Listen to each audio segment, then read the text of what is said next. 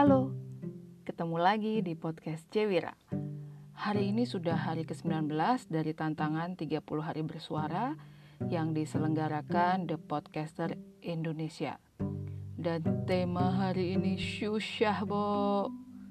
Judulnya Tradisi. Podcast Cewira kali ini benar-benar mesti merenung dan mikir cukup lama untuk menemukan ide tentang tradisi ada banyak sih sebenarnya yang bisa dipilih. Tapi karena banyak itu, jadi ya lumayan mau memilih bahas yang mana. Di situ tuh tantangannya.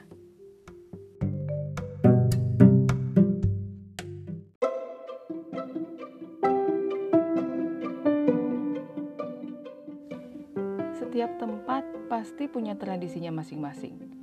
Baik itu wilayah sebesar negara, kemudian sebesar pulau atau berdasarkan suku atau bahkan berdasarkan lembaga atau juga organisasi terkecil yaitu keluarga. Keluarga pun memiliki tradisinya masing-masing. Nggak usah jauh-jauh bahas negara deh, mulai dari yang paling kecil, tradisi di keluarga. Itu aja udah kompleks banget loh, karena ada banyak aspek yang mempengaruhi suatu tradisi mulai dari adat istiadat suku, adat istiadat tempat tinggal, tradisi berdasarkan keyakinan atau agama yang dianut, dan tradisi berdasarkan pola asuh di keluarga. Jadi kebayang nggak sih sebetulnya kita tuh manusia itu luar biasa banget dalam beradaptasi dan menyesuaikan diri. Dalam satu keluarga aja, tradisi yang dibawa oleh ayah dan ibu sudah ada perbedaan yang memerlukan waktu untuk diskusi dan membuat kesepakatan agar di kemudian hari tidak terjadi kesalahpahaman. Semisal kalau mau kasih orang tua uang nih, ada yang harus menantunya yang menyerahkan, ada yang harus anaknya sendiri yang menyerahkan.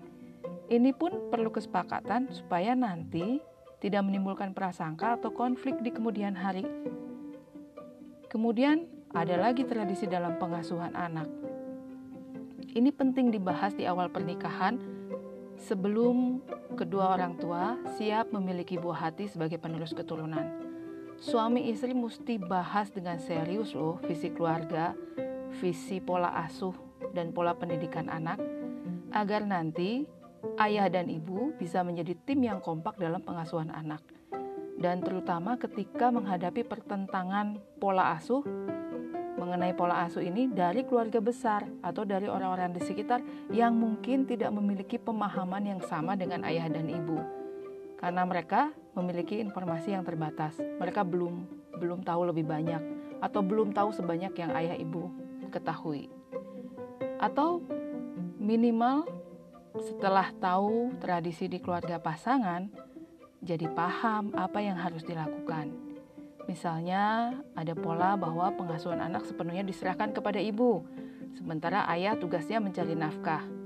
Jadi, si ibu sudah mulai menyiapkan diri untuk mengerjakan banyak hal sendirian, sampai si ibu menemukan cara untuk pelan-pelan mengubah persepsi suaminya. Karena ya urusan anak itu sebenarnya kan urusan berdua, urusan ayah dan ibu, dan sebaiknya diurus bersama. Karena kan buatnya barengan ya. Saya juga pernah bertemu pasangan suami istri di suatu retret meditasi 10 hari. Mereka berdua sepakat untuk tidak memiliki anak karena mereka merasa lebih nyaman dengan kondisi berdua. Dan mereka juga punya banyak impian yang tidak melibatkan kehadiran seorang anak.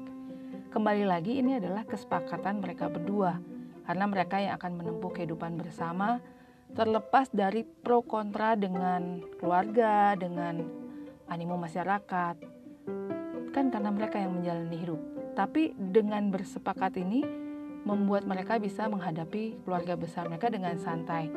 Mereka juga bisa menjelaskan pada orang-orang yang kepo, yang pengen tahu. Dan ya, itu hidup mereka. Mereka yang berhak mengatur karena mereka yang akan menjalani. Mereka pasti udah tahu tuh untung ruginya, konsekuensinya apa. Mungkin kelihatannya tidak sesuai dengan tradisi pada umumnya, tapi ya nggak apa-apa. Mereka bikin tradisi sendiri ada banyak juga tradisi lama dalam keluarga yang sudah mulai tergerus zaman. Salah satunya yang sudah saya alami, yang pernah saya ceritakan di sesi keluarga adalah tradisi pemanggilan seseorang berdasarkan garis keturunan dalam keluarga. Sudah banyak dari generasi saya yang sudah tidak paham hal ini, apalagi generasi di bawah saya.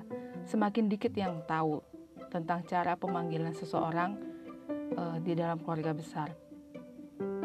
Dan yang umum deh, tradisi yang sederhana banget seperti minta tolong, bilang maaf, bilang permisi, terima kasih, tradisi gotong royong, ini pun kayaknya sudah mulai abai diajarkan. Padahal ini penting. Melihat situasi politik kita di Nusantara saat ini, sebenarnya jadi gambaran buat kita, introspeksi buat kita, refleksi buat kita. Tradisi positif apa nih yang sudah kita lupakan, yang tidak kita tanamkan ke generasi-generasi yang sekarang membuat suasana jadi kacau yaitu refleksi lagi buat masing-masing dari kita supaya tidak terulang di keluarga kita atau di lingkungan kita. Ah, jangan terlalu serius. Kalau tradisi di keluarga kami yang saya paling suka adalah tradisi tahun baru Imlek. Nah, sudah ketebak ya, karena pada saat Imlek dapat angpau dan juga berbagi angpau berbagi angpau, berbagi berkat dan berkah kepada anak-anak dan mereka yang lanjut usia. Ya, isinya sih nggak seberapa besar, tapi seneng loh menerima amplop merah yang berisi uang. Walaupun sedikit, tapi ketika orang tua memberikan kepada kita, itu sukacita banget. Memberikan ke orang tua juga sukacita. Artinya, kita sudah makmur dan sejahtera sehingga bisa berbagi.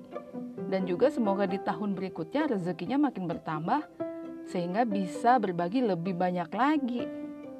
Itu kalau saya suka banget tradisi Imlek. Kalau teman-teman suka tradisi apa? Atau mungkin ada tradisi di keluarga yang sudah tidak relevan lagi? Atau justru masih sangat relevan? Boleh deh kirim DM ke IG saya eviwirayanti.cht. Nanti kita bisa cerita dan bahas sama-sama ya. Sekian pembahasan tentang tradisi di podcast Cewira kali ini. Semoga informasi ini bermanfaat bagi kita semua. Semakin hari dalam segala hal kita semakin baik dan semakin membaik. Cewira sayang kalian semua. Dadah.